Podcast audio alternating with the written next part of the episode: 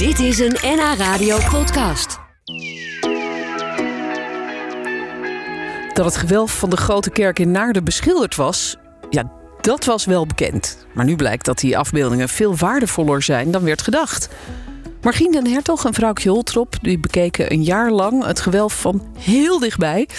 Ze ontdekten prachtige tafereelen van wel vijf eeuwen oud. Ze kwamen vertellen over het boek wat ze daarover maakten. En we hebben een primeur, want zij hadden hun eigen boek nog niet eens gezien. Nee, we zien het nu uh, voor het eerst. Ja, en wat vinden jullie ervan? Mooi. Ja, hè? Ja, ik ja. vind het prachtig. Het is echt. En het is vooral mooi dat het groot is. Dat valt dan op. Hè? Want je hebt het al honderd keer op een scherm gezien. Ja. Als er een drukproef komt en dan denk je, nou, dit en dat. En dan kijk je zo heel erg minutieus. En nu zie je het boek voor het eerst. En dan denk ik, oh, het is groot. Ja, En wat vooral heel mooi is, is dat eh, in het midden staan alle panelen van het gewelf, van het beschilderde gewelf. En die zijn heel mooi afgedrukt en die kun je ook echt goed zien. Ja, want in dit boek ontraven jullie de geheimen eigenlijk van die schilderingen die, eh, die daar in het gewelf zitten. Eh, eigenlijk was altijd wel bekend dat er het een en ander zat aan, aan schilderingen. Maar het afgelopen jaar is er heel intensief en echt van dichtbij onderzoek gedaan naar die schilderingen. Zijn ze ook heel mooi dus afgebeeld. Zijn er foto's gemaakt. Die zijn nu te zien in het boek.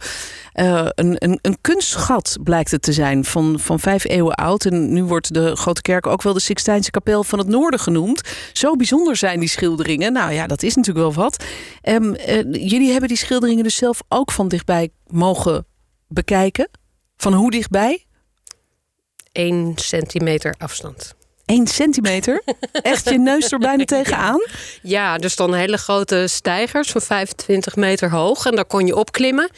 En dan was je gewoon echt oog in oog met die houten panelen. En daar konden ook bezoekers komen, maar wij ook. En iedereen die daar belang voor had, natuurlijk de restauratoren ook. En, eh, maar ja, je kon heel dichtbij komen. En dat was wel echt heel erg magisch. En Margien, dat had jij ook.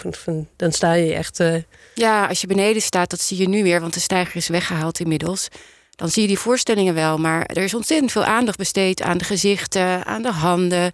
En als je boven komt, dan kijken die mensen je echt aan. Dus dan, dan, dan kijkt de, kijken de middeleeuwen je aan en dat is heel bijzonder. Ja, dat lijkt me ook inderdaad. Maar wel op hoog, grote hoogte. Dus je moet geen hoogtevrees hebben eigenlijk. Nou, voor de trap niet. Maar als je eenmaal boven bent, dan was het gewoon een vloer daarin gelegd. Dus Oh ja. dan, eh, dan was het prima te doen. Maar als Ja. je de trap weer afging, hè, dan, eh, als je dan hoogtevrees hebt, dan word je wel een beetje zenuwachtig. Ja. Maar boven niet. En er zijn eh 8000 bezoekers geweest.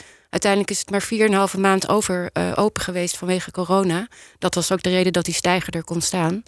Ja, Eh. want, want eigenlijk doordat de kerk niet in gebruik was vanwege de coronacrisis, Precies. kon, kon de, die stijgers daar worden op, kon het onderzoek worden gedaan. Maar Ja. toen vervolgens konden de bezoekers er niet meer bij vanwege de coronacrisis. maar er zijn er alsnog 8000 geweest. Dus blijkbaar was het een heel eh, geliefd eh, uitje. Ja, eh, want het zijn ook bijzondere eh, schilderingen. Je, ik heb eens even zitten kijken in het boek. Want er zijn afbeeldingen dus van al die panelen. Zijn het, zijn het eigenlijk losse panelen? Of hoe, hoe is dat gedaan? Eh, wat, wat weten jullie daarvan? Nou, het is een, wel het, gewoon het houten beschot. Het is het gewelf zelf. En daar is op.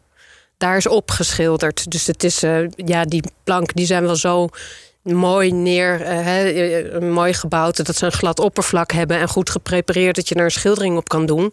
Maar er zit niet nog een soort doek tussen of zo. Het is echt eh, op het hout zelf geschilderd. Ja, en kun je eens vertellen wat het voor schilderingen zijn? Wat er zo bijzonder aan is? Want er staan mooie afbeeldingen in het boek. Eh, ik, ik zie bijvoorbeeld een eh, bekend Bijbels verhaal. eh, Jonas en de walvis. Jona. eh, is af, afgebeeld. Eh, maar op de omslag van het boek... Dat, ik zal het even omhoog houden voor de mensen die meekijken via de webcam. Via nhradio.nl of nhnieuws.nl. Daar zien we een, eh, een, een edelman die omhelst wordt door een andere man. Nou, dat, dat ziet er op zich best vriendelijk uit. Totdat je de details goed bekijkt. Wie zijn dit en wat gebeurt hier? Het zijn eh, Joab en Amasa. En ze zijn allebei legeraanvoerders. Dus ze hebben gelijke, gelijke rang. Maar ehm, ze zijn ook halfbroers. En ze zijn allebei halfkinderen van eh, koning David. Nou, ik zal het niet te veel eh, daarover uitweiden. Maar wat er eigenlijk gebeurt is dat ze... eh, ehm, de een heeft de ander verraden. En dus die steekt hem neer. Dus als je echt inderdaad goed kijkt, zie je dat hij een dolk in zijn hand heeft. En het lijkt inderdaad een vriendschappelijke ontmoeting. Hun hoofden staan dicht bij elkaar, maar ondertussen zie je dat mes in zijn rug. En dat verhaal, dat is een soort voorafschaduwing, noemen ze dat dan, van het verhaal van het verraad van Judas. Judas, Dus de ja, ja. Judas die Jezus verraadt. En ook Ja. in dat paneel, en dat is zo bijzonder aan deze serie, is dat hè, wat ik net al een beetje zei: van aan de ene kant verhalen uit het Nieuwe Testament, voorafgegaan het verhaal uit het, Nieuwe, eh, uit het Oude Testament, dat er parallellen zijn. En in het verhaal, maar ook in hoe het uitgebeeld wordt. En Ja, een voorbeeldje daarvan is, is van wat je net zei: die gezichten zijn dicht bij elkaar. Dat is bij Judas en Jezus ook zo. De een is een beetje zo afgebeeld en de ander half profiel en de ander driekwart profiel, zodat ze heel dicht bij elkaar zijn, waardoor het intiem lijkt, maar dat verraad. Waardoor het verraad harder aankomt eigenlijk Ja. misschien juist. Hè? Omdat ze zo eh, elkaar nabij stonden. Ja, Ja. precies. En Ja, dat- je ziet ook, ehm, je ziet dat de een, eh, degene met het mes zeg maar, kijkt je ook aan met een uitdrukking van nou, Ja, eh, oeps. ik, ik ben sorry. iets naars aan doen. Ja. En dat is iets wat je helemaal niet kan zien van 25 meter. eh. Nee, een beetje een schuldbewuste blik heeft hij ja, inderdaad. best wel, hè? Ja, en een andere afbeelding die mij trof was eh, van de hel en het laatste oordeel. Daar zitten elementen in met een soort fabelachtige wezens die mij erg deden denken aan Jeroen Bos. Ja, Al is dat- dit natuurlijk van een wat latere tijd. Maar dat, is, dat lijkt me toch ook een heel unieke schildering voor, voor hier in Noord-Holland, toch? Eh, ja, ja en Of nee. sowieso? Want inderdaad, Jeroen Bos die eh, heeft dat gedaan. En ze baseerden hun eh, verhaal op de Commedia dell'arte van Dante. En, er waren nog twee andere legendes die zo verbeeldend zijn geweest over hun idee van de hel. Want dat staat in de Bijbel zelf eigenlijk helemaal niet beschreven. Dat er allemaal fantastische wezens zijn ontstaan. Dus dat van Jeroen Bos, dat klopt wel dat je dat zegt. Het is Ja. niet letterlijk, maar wel dat idee van... Ja. Er moeten, dat zijn gruwelijke wezens, half mens, half dier. Ja, Die, en je eh, ziet allemaal nare dingen gebeuren ook. Ja. Mensen die aan het verdrinken zijn en anderen die met speren achterna gezeten worden. En dat is ook de reden dat het pla- plafond eh, beschilderd is. Zodat de gelovigen beneden voortdurend herinnerd werden eh, wat er te wachten stond. En eh, als ze zich maar goed zouden gedragen, dan zouden ze niet in die hel komen. Nou ja, Dus een dat- beetje om ze bang te maken eigenlijk. Ja. Ja, en de straffen op maat hè, waren het ook. En er zijn bijvoorbeeld eh, mensen die heel gulzig waren, die krijgen hebben een trechter in de mond. En die eh, worden dus nog extra eten gegeven. En heethoofden die zijn, worden afgekoeld in ijskoud water. En Ah, zo. eh, ja, dus daar is wel over nagedacht. Ja, ja, maar dan moesten die mensen vroeger ook wel een, een loep meenemen om dat vanaf beneden allemaal goed te kunnen zien. Want dat zijn dus juist dingen. Het, het zit eigenlijk zo ver weg. Ja, hè, dat, Maar dat, het waren wel verhalen die ze kenden. ja, ja, En het, het borduurde voort ook op conventies in, in hoe die, die werden afgebeeld. ja. Dus in die zin was Ze zagen van een afstand van, oh, daar heb je de, dat enge laatste oordeel en de hel. Nou, dan weten we genoeg. We Ja. moeten Ja. een beetje, beetje voorzichtig zijn. Goed, we praten zo verder over, over het, eh, het onderzoek dat, eh, dat gedaan is naar die schilderingen en wat het allemaal heeft opgeleverd. Jullie proberen die geheimen van dat gewelf te ontrafelen. En in hoeverre dat gelukt is, dat horen we zo. Die stijgers die zijn inmiddels weg, geloof ik, hè? ja, die zijn al een tijdje weg. Ja, ja. En jij, hebt dat inmiddels ook alweer gezien, Margien, hoe dat er dan nu uitziet. Ja, ik was, eh, ik was er terug voor de presentatie van de Bachvereniging. Dat was eigenlijk heel erg leuk. Het was ook een beetje weemoedig, want die, die afbeeldingen waren een soort vrienden geworden. Ja? zijn wel een keertje of zeven omhoog geweest. En dan leer je, nou ja, het zijn een soort echt menselijke figuren die je dan weer begroeten. En opeens zijn ze weer onbereikbaar daar helemaal hoog in de kerk. En je kunt nog wel herkennen wie, wie wat is, maar je ziet hun gezichten niet meer. Ja, gelukkig hebben we het boek nog Gelukkig met de foto's. het ook nog, precies. maar het is ook wel weer heel mooi om eh, te zien hoe het, hoe het eh, gewelf bedoeld is. Je ziet heel mooi de prefiguraties tussen het Oude en het Nieuwe Testament tegenover elkaar. Je ziet heel mooi hoe dat eindigt in het laatste oordeel boven het koor.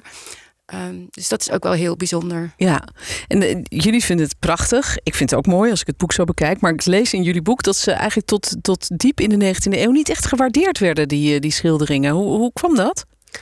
Nou, ik denk dat in eerste instantie het gewoon onbekend was. Hè, van, ze waren nog nooit zo dichtbij geweest. Dus ja, onbekend maakt onbemind. Ja. En dat betekende ook dat er dus weinig aan gedaan werd. Dus dat het heel erg in verval geraakt was. Dus toen op het moment dat ze wel naar boven konden gaan... dat was ongeveer... Nou ja, ze konden altijd natuurlijk wel naar boven... maar het van dichterbij kon bekijken... was het in zo'n slechte staat. Hè, er, was wel aan, er was wel aan gerestaureerd... maar eigenlijk op een, hele, een beetje een lompe manier. Alleen met een soort effect dat je beneden de kerk kon zien. Ah, En daardoor waren ze, als je dus dan weer naar boven gaat kijken, waren ze ja, echt gewoon niet zo mooi. En, toen, en daar hebben kunsthistorici dan ook hun oordeel op gebaseerd. Van ja, en het is lomp geschilderd en dit kan niet en dat kan niet. Terwijl ze dus eigenlijk keken naar een grove eh, restauratie. Ja, ja, ja.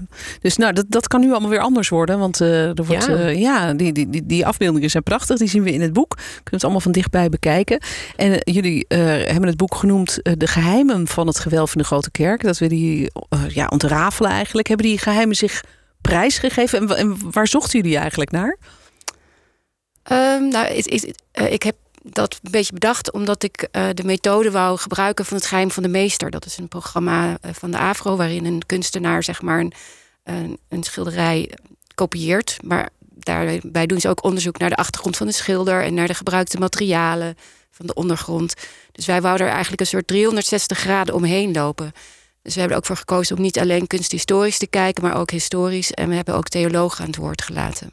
Ja, ja. Dus een beetje de bredere context ook te schetsen. Precies. Want, want hoe zag die context eruit toen dit gemaakt werd? Jij zei net eh, al eventjes, vrouwtje, dat dit eh, in, hetzelfde, eh, in dezelfde tijd geschilderd is als de Sixtijnse kapel van Michelangelo.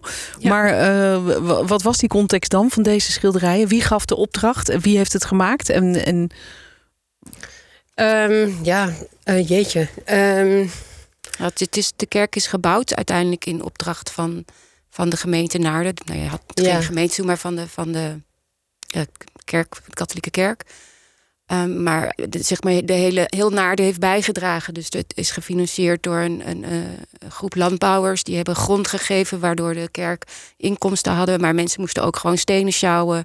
Eh, want als je bijdroeg aan de bouw van zo'n kerk, dan dat was goed voor je zielenhelden. Dan ja, ging je niet tuurlijk. naar de hel. Dus Ja, of het mooie. Dus iedereen hielp eigenlijk gewoon mee. Ja. ja. Alle inwoners, de boeren in de omgeving. En dat maakt het ook zo bijzonder, want een kerk is natuurlijk heel lang. Het, was een gebruiksvoorwerp. Nu vinden we dat heel stil en komen we er tot rust. Maar iedereen liep er toen in en uit. En de brandweerspuit stond er en de lijkwagen stond er. En de schutterij die eh die marcheerde oefende er. daar, ja. Precies. Dus eh, ehm, het, het, mensen werden er gedoopt, getrouwd, en begraven. Dus het, het is een heel levend iets. En dat maakt eh, dit ook meer dan een kunstwerk. En ook echt erfgoed, vind ik. Eh, Nederlands erfgoed, ja. Dit was een NH Radio podcast. Voor meer, ga naar nhradio.nl. Radio.